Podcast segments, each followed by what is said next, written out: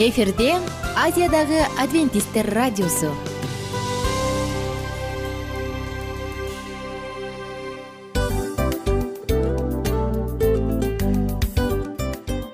Достор салют. Баардык сүйүктүү угармандарыбызга салам айтабыз. Кутман күнүңүздөр менен.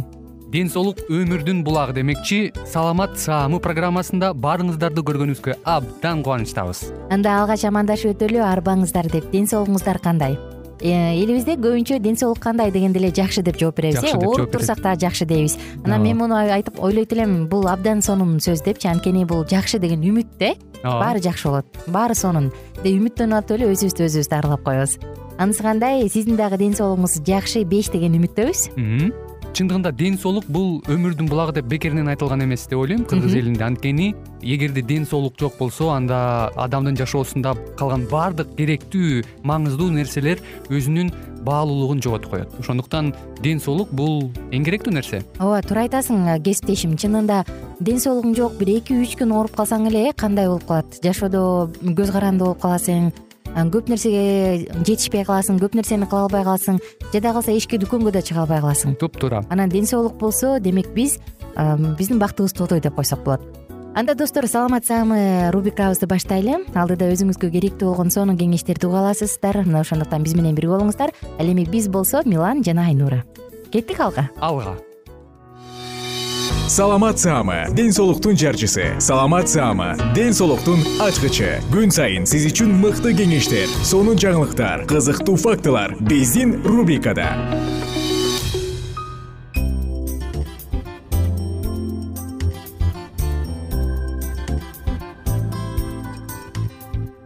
салют достор жалпы биздин сүйүктүү угармандарыбызга сагынычтуу салам. Саламат саама рубрикасын баштадык тыңдап жатканыңыз саламаттуу дене цикли андан ары уланат. Бүгүнкү тема моюндун саламаттыгын кантип сакташ керек?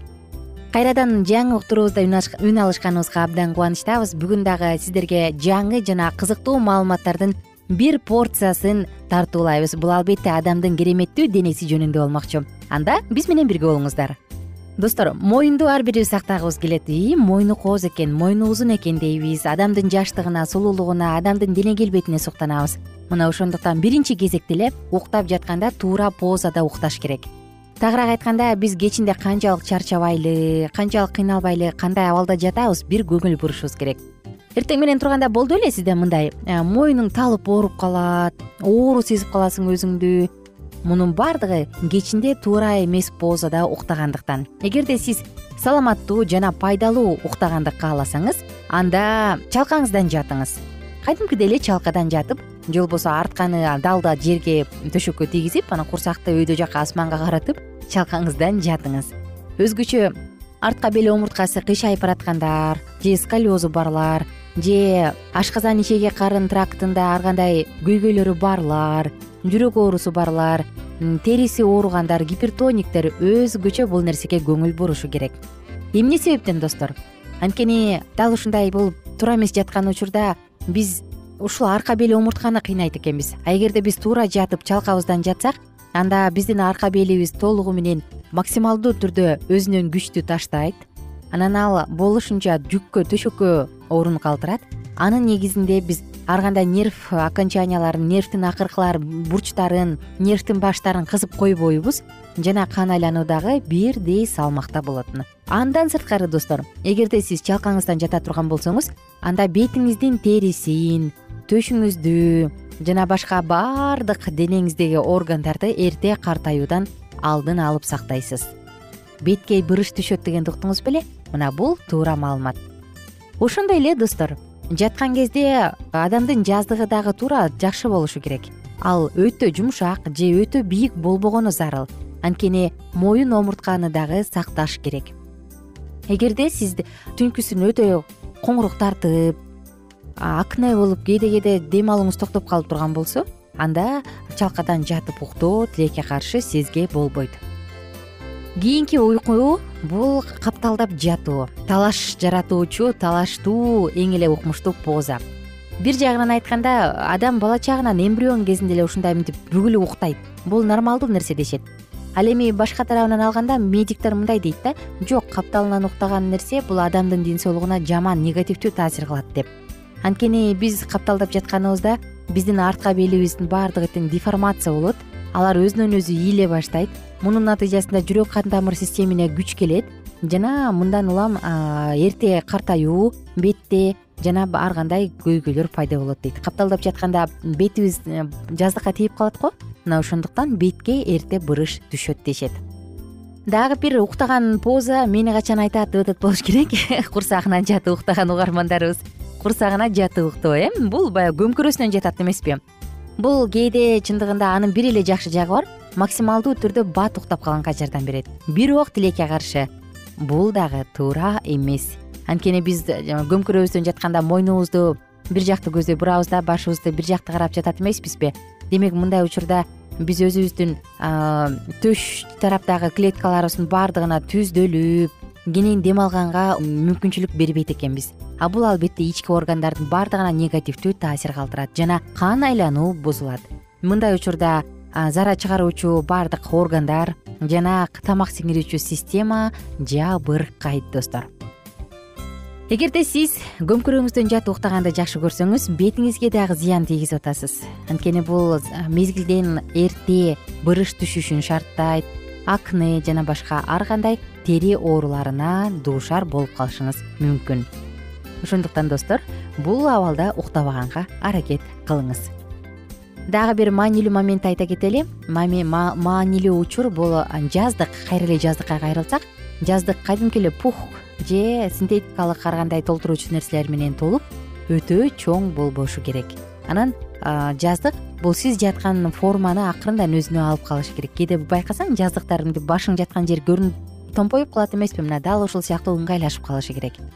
Дагы бир рекомендация туура отуруңуз моюн оорунун бирден бир себеби бул туура эмес отуруу өзгөчө кечке отургандар жазгандар компьютердин алдында иштегендер көп окугандар байкасак моюнубуз ооруп калат эмеспи.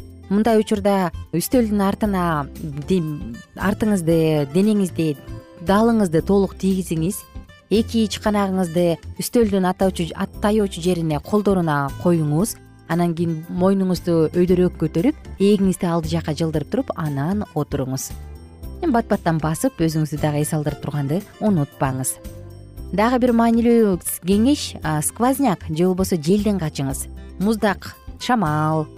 Мунун баардыгы тең моюнга биринчи сезилет. Өзгөчө сиз тердеп турсаңыз анда мойнуңузга биринчи согот дагы моюндагы булчуңдардын оорусун бат эле сезесиз. Анан бат сезгенип суукка тийип калышыңыз мүмкүн дагы бир кызыктуу маалыматтардан айтсам достор эгерде сиз мойнуңуздун саламаттыгына туура кам көрүүнү кааласаңыз анда автоунаа айдап баратканда башты моюнду коюучу кичинекей бир атайын азыркы заманбап автоунаалар да бар эмеспи? Дал ушундай моюн койгуч болушу шарт.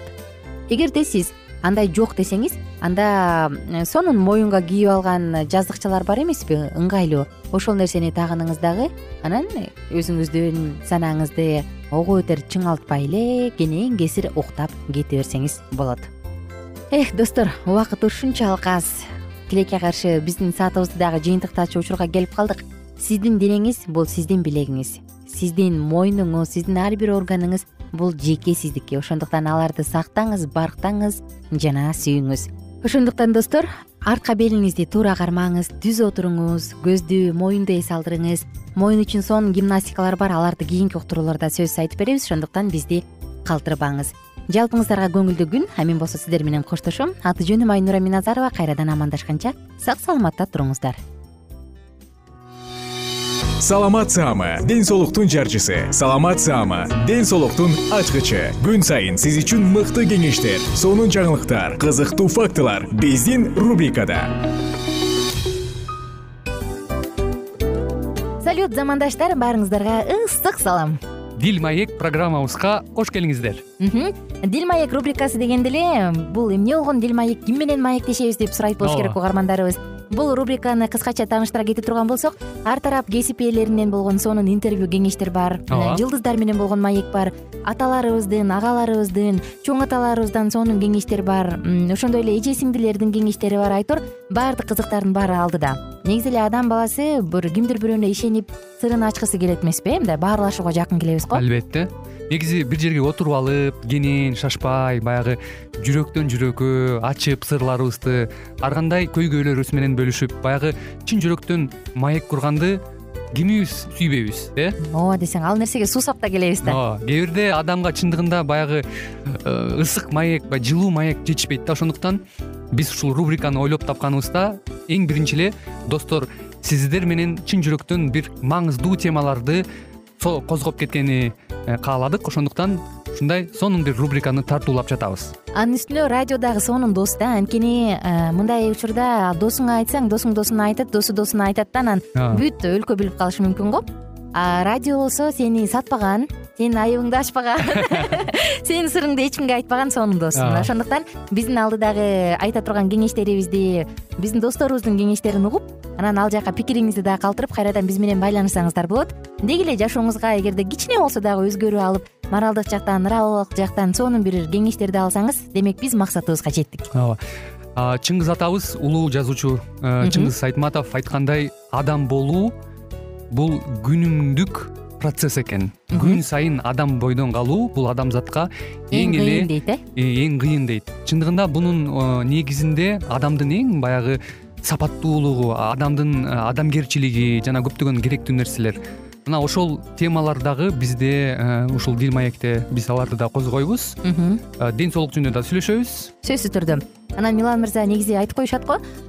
Биз көбүнчө эмнени ойлонсок? Ошол нерсеге карата иш кылабыз го. Ооба. Анан анысы кандай? Балким бул радио баракчада кимдир бирөөнүн оюн текшергенге жардам берет кимдир бирөөнүн жүрөгүн текшергенге жардам берет балким кимдир бирөөгө жашоонун маңызын тапканга жардам берет айтор кызыктын баары алдыда бул жөн гана кыскача жарнама анда угармандарыбыздын баардыгын кийинки рубрикабызга чакырабыз. Ал эми кызматта маңдайымда отурган кесиптешим милан жана мен айнура. Анда эмесе биз даярдаган терең терең ойлор менен таанышууга кеттик. Алыс алыс баралык. Анда эмесе достор биз менен бирге болуңуздар. Алдыда эң кызыктуу маалыматтардын баардыгы бир нече мүнөттөр бою жалгыз гана сизге арналат. Мына ошондуктан жакшы маанай менен угууну каалайбыз. Үн алышканча. Жөнөдүк ар түрдүү ардактуу кесип ээлеринен. Алтын сөздөр жүрөк ачышкан сыр чачышкан сонун маек. Дил маек рубрикасында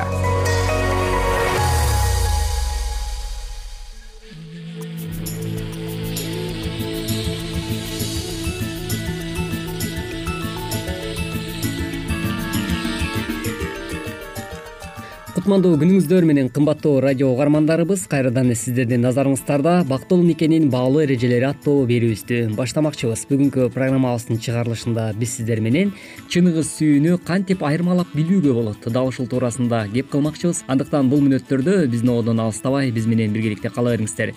Кызматыңыздарда микрофондо аты жөнүм мен улан жана ошондой эле кесиптешим асель. Сиздер менен биргеликте болмокчубуз. Кызыгуу тез эле пайда болгондуктан сенин жүрөгүңдө терең тамырлай элек ошондуктан силердин мамилеңер үстүртөдөн болуп калат. Ал эми чыныгы сүйүү сен бирөөнү чындап сүйсөң сенин сезимдериңе жылуулук жана назиктик болот. Сен бирде от жалын болуп бирде ошол адамга муздак мамиле кылбайсың. Чыныгы сүйүү үчүн убакыт керек бирок анын тамыры терең болот. Кызыгуу сенин жашооңдо баш аламандыкка алып келет. Жоопкерчиликсиз болуп кыла турган иштериңди унутуп коесуң сезимдериң сени толугу менен ээлеп алат. Кыялдарга берилип башка эч нерсеге кызыкпай каласың. Мен анын кемчилиги бар экенин билем. Бирок алар биздин сүйүүбүзгө тоскоолдук кыла албайт деген кыз кызыгуунун курмандыгы болуп калгандыгын көрүп турабыз. Бул убакта эле турмушка чыккандан кийин ал мунун баардыгын маанилүү экендигин түшүнөт. Ал эми бул чыныгы сүйүү болсо эгер сенин сүйүүң чыныгы болсо сенин баардык жакшы сапаттарың ачыкка чыгат мындан да жакшы болууга умтуласың сүйлөшкөн кызың чындап сүйгөн жигит мындай дейт. Мен аны аябай татынакай болгону үчүн эле жактырып калган жокмун. Ал менин эң жакшы сапаттарымдын жарыкка чыгышына жардам берди. Ар бир адам өз жашоосунда эң маанилүү чечимдерди чыгарыш керек экен. Алардын бири үй бүлө кура турган адамды тандоо болуп саналат экен сөзсүз түрдө бул жаатта дагы өзүңдүн өмүрлүк жубайыңды тандоодо акылмандуулук менен тандааның жакшы экен. Кээ бир адамдар мисалы үйлөнгүсү келбейт экен бирок көпчүлүк адамдар үй бүлө курганга шашышат экен. Үй бүлө куруу жеңил эмес бактылуу үй бүлө куруу көп эмгекти талап кылат. Балким мен ушул адам менен бактылуу болуп калаармын деп ойлогон туура эмес. Бактылуу нике үчүн талап кылынган кээ бир нерселер бар экен анда эмесе дал ушул эрежелерге назарыңыздарды оодарып өтсөк. Нике бул өмүр бою бериле турган убада. Бул аял менен эркектин кудай алдында ата энеси туугандары алдында досторунун алдында бири бирибизди сүйүп бири бирибиз үчүн кам көрөбүз. Бизди өлүм гана ажырата алат деп чечим чыгарышат экен. Албетте бул айтылган э, чечимдер жана ошондой эле башкача айтканда нике кыярдын алдындагы бериле турчу анттарды аткаруу дагы сөзсүз түрдө реалдуу турмушта дагы бул нерсени аткаруу дагы албетте өтө жоопкерчиликти талап кылат эмес. Андыктан үй бүлө куруу бул чынында эле олуттуу маселе. Үйлөнгөнгө чейин биз өмүр бою өзгөртө албай турган чечим чыгарып жатабыз. Эч качан ажырашууга жол бербейбиз деген чечим чыгарсаңар бул бактылуу никенин негизи болуп саналат экен. Ар бир үй бүлөдө кыйынчылык болбой койбойт. Бирок алар өмүр өткөнгө чейин бирге болоорун билишсе бул кыйынчылыктарды жеңүү оңоюраак болот. Алар ажырашып кетүүнү ойлобостон. Ошол көйгөйлөрдүн баарын кантип чечебиз деп ойлонушат экен. Ошондуктан талашып тартыша кеткен учурда эч качан ажырашуу деген сөздү колдонбошуңар керек экен. Албетте андыктан чындап эле жашоо турмуш куруу бул олуттуу маселе болгондуктан муну дагы жеңип чыгууга кандайдыр бир иш аракеттер талап кылынат эмеспи. Демек э, ушундан улам деле биз билсек болот экен бул турмуш куруу деген оңой эмес. Андыктан урматтуу жаштар э, бул жаатта дагы сөзсүз түрдө бүгүнкү күндө ойлонуп жатасыз деген ойдобуз. Ал эми биз болсо сапарыбызды дал эле болсо алдыны көздөй улай бермекчибиз. Ошол менен биргеликте эле үй бүлөлүк жашоодо дагы аял эркектин ролу абдан чоң болгондуктан э, демек аял менен эркектин айырмачылыгы туурасында дагы сөз кылып өтсөк негизи эле жараткан жаратуучубуз аял заты эркектен жогору болбошу үчүн анын э, анын башынан жаратылган эмес. Эркектен төмөн болбош үчүн анын бутунан дагы жаратылган эмес. Бирок аны менен тең болсун тең жуп болсун деп жараткан жаратуучубуз дал ошол эркек адам өмүрлүк жарын сүйүп урматтасын деп аны ал үй бүлөдө бирдей тең укуктуулукка ээ болсун деген максат менен аны кабыргасынан алып жараткан экен андыктан урматтуу жаштар жана ошондой эле сүйүктүү угармандарыбыз э, көп учурда биз ушул аял затынын эч убакта эркектен төмөн эмес экендигин жана ошондой эле э, аял заты дагы эркектен өйдө турбастыгын биз дайыма билишибиз зарыл экен. Ошондуктан бири бирибизди басмырлоого жана ошондой эле аял менен эркек тең укуктуулукка ээ экендигин сөзсүз түрдө эске алуубуз зарыл болуп саналат ошондуктан кабыргам менен кеңешейин деген сөз дагы ушул жактан чыкса керек. Албетте биздин ата бабаларыбыз дагы эзелтеден кыргыз элинде айтылган эң сонун ушул макал э, бар эмес. Демек дал ушул макал дагы жогорудагы биз айтып өткөн кеңештерге дал келет десек дагы эч убакта жаңылышпайбыз. Андыктан аялдар силер э, күйөөңөргө жакын болуп жүрөгүнө жакын колун узартып э, жакасын агартып курсагын тойгузуп ушинтип жүрсөңөр дагы күйөөңөр силерге абдан ыраазы болот болуш керек сөзсүз түрдө ошондой эле жигиттерге карата дагы кеңешибизди айтып кетпесек болбос. Ал эми жигиттер дагы жогоруда сиздер баам берип жатат болушуңуздар керек. Андыктан өзүңүздүн э, өмүрлүк жарыңызды башкача айтканда жубайыңызды тандоодо сиздер бирге баш кошуп э, никелик жашоодо өмүр сүрүп баштаган соң демек э, сиз дагы аял затын э, жок бул менден төмөн деп үстүнөн үстөмдүк кылбастан тескерисинче аны сүйүп урматтап мени менен бирдей укукта ээ деген мамиле кыла турган болсоңуз анда анда үй бүлөлүк жашоодо никеңиздер түбөлүктүү жана ошондой эле бактылуу никенин даамын татып өмүр сүрөсүздөр деген тилегибизди билдирүү менен бүгүнкү уктуруубузга назар салганыңыздар үчүн чоң рахмат. Биз бүгүнкү программа чыгарылышында дагы сиздер менен биргеликте жакшы бир кеңештерге ээ боло алдык деген үмүт менен программабыздын көшөгөсүн жапмакчыбыз ал эми урматтуу угармандарыбыз сиздер болсо дал ушул сүйүү жаатында дайыма өзүңүздүн сүйүктүүңүз менен чыныгы сүйүүнүн даамын татыңыз жана чыныгы сүйүүгө умтула бериңиз деген тилек менен. Бүгүнкү программабыздын көшөгөсүн жапмакчыбыз. Сиздер менен бирге болгон мен улан кубанычбеков жана ошондой эле кесиптешим асель. Урматтуу достор биз сиздерге сүйүү жаатында ийгилик каалайбыз. Андыктан кайрадан эле биз сиздер менен дал ушул ободон үн алышканча сак саламатта болуңуз ар түрдүү ардактуу кесип ээлеринен. Алтын сөздөр жүрөк ачышкан сыр чачышкан сонун маек. Дил маек рубрикасында. Жан дүйнөңдү байыткан жүрөгүңдү азыктанткан жашооңо маңыз тартуулаган жан азык рубрикасы.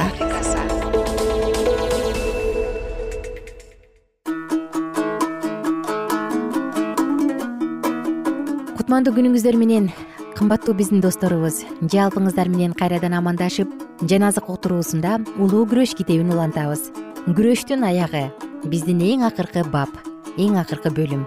Эмесе кандай болуп бүтөт? Сиз дагы күрөштүн аягында кандай болгуңуз келет? Мына бул тууралуу дагы ой жүгүртүүгө убакыт бар. Биз болсо текстибизди уланталык. Ошондо менин элим тынчтыктын жеринде коопсуз кыштактарда бактылуу турак жайларда жашап калат мындан ары сенин жериңде зордук зомбулук деген угулбайт. Сенин чегиңдин ичинде чапкын бүлгүн жана талоо деген болбойт. Жана өз дубалдарыңды коргоочу деп өз дарбазаңды атак даңк деп атайсың. Жана жаңы үйлөр куруп аларда жашашат жүзүмдүктөр тигип анын мөмөсүн жешет. Башка бирөө ичинде жашасын үчүн үйлөр курбайт жана башка бирөө жесин үчүн жүзүмдүк тигишпейт. Менин тандалгандарым өз колдору иштеп чыгарган буюмдарынын убайын көпкө көрөт. Ышая китеби отуз экинчи бап он сегизинчи аят алтымышынчы бап он сегизинчи аят. Анда чөл жана какшыган жер шаттанат эл жашабаган өлкө кубанат нарцисс сыяктуу гүл ачат. Ошондо карышкыр козу менен бирге жашайт илбир сулак менен бирге жатат жана кичинекей балдар аларды ээрчитип жүрөт. Ышая отуз бешинчи бап биринчи аят элүү бешинчи бап он үчүнчү аят асманда оору жана кайгы ый жана өлүм.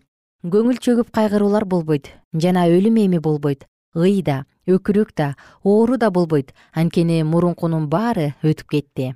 Аян китеби жыйырма биринчи бап төртүнчү аят.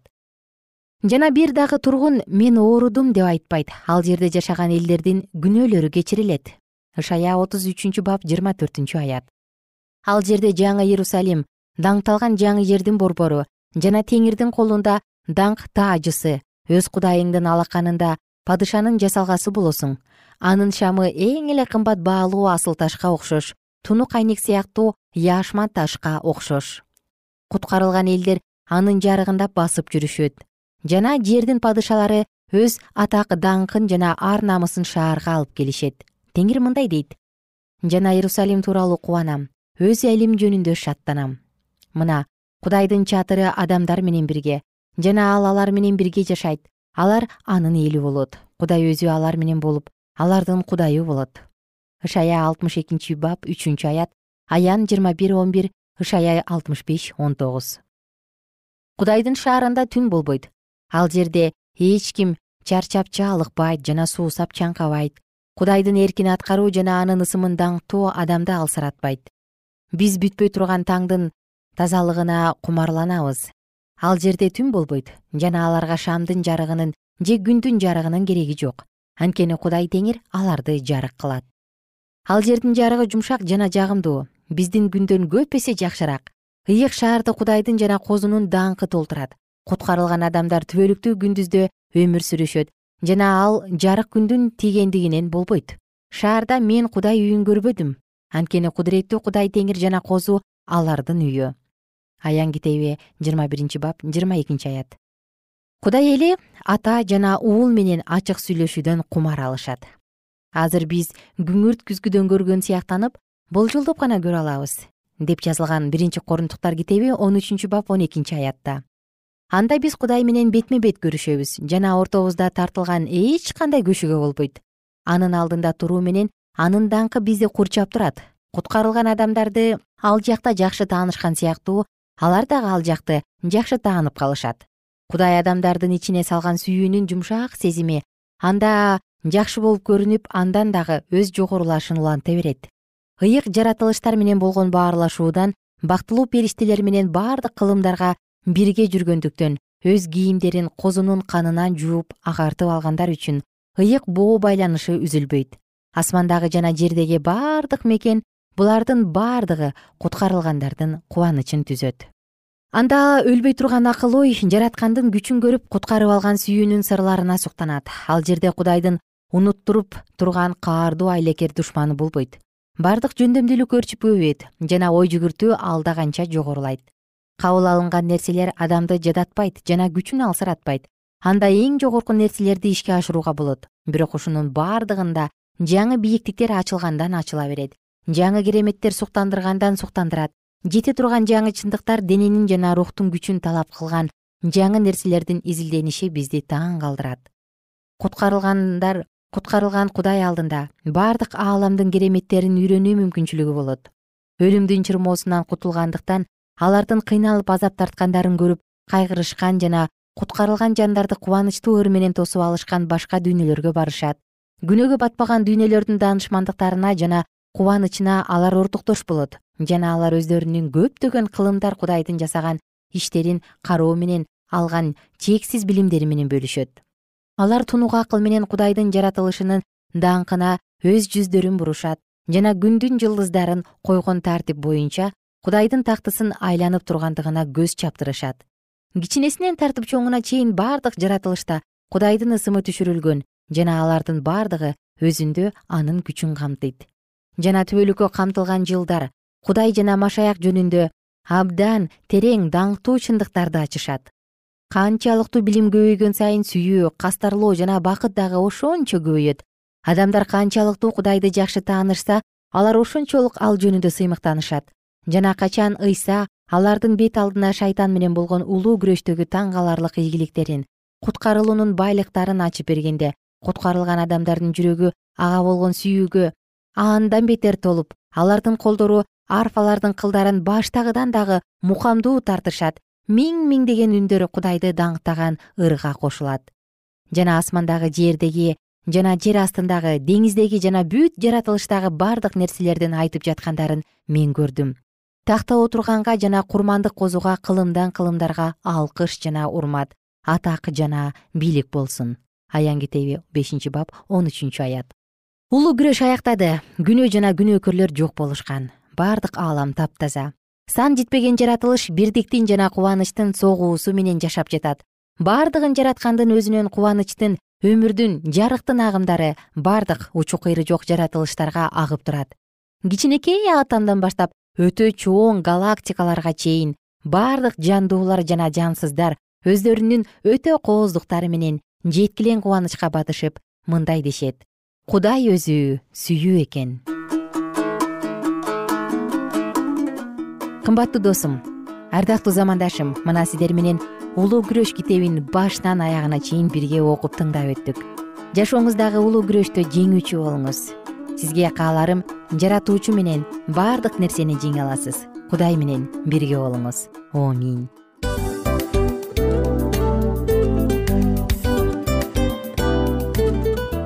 достор биздин радио баракчаларыбыз соңуна келди. Демек бул программабызды дагы жыйынтыктачу учур келдик. Учурга келдик. Анан кесиптешимен сурагым келип турат. Негизи эле иштин башталып атканы кубандырабы сени же жыйынтыгы кубандырабы?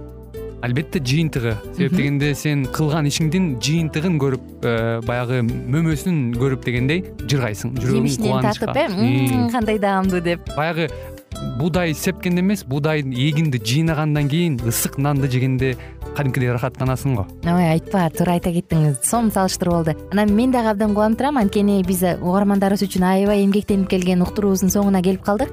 Анан эми э, уктуруубуздун соңунда угармандар кандай пайда алып калды экен деп күтүп турам да. Балким э, менин жашоомо өзгөрүү киргизе турган сонун сөздөр болду мен ушул нерсени изилдеп анан кабыл албасам ушул нерсени кылбасам деген чечим чыгарсаңыз анда биз абдан кубанычтабыз. Сөзсүз түрдө.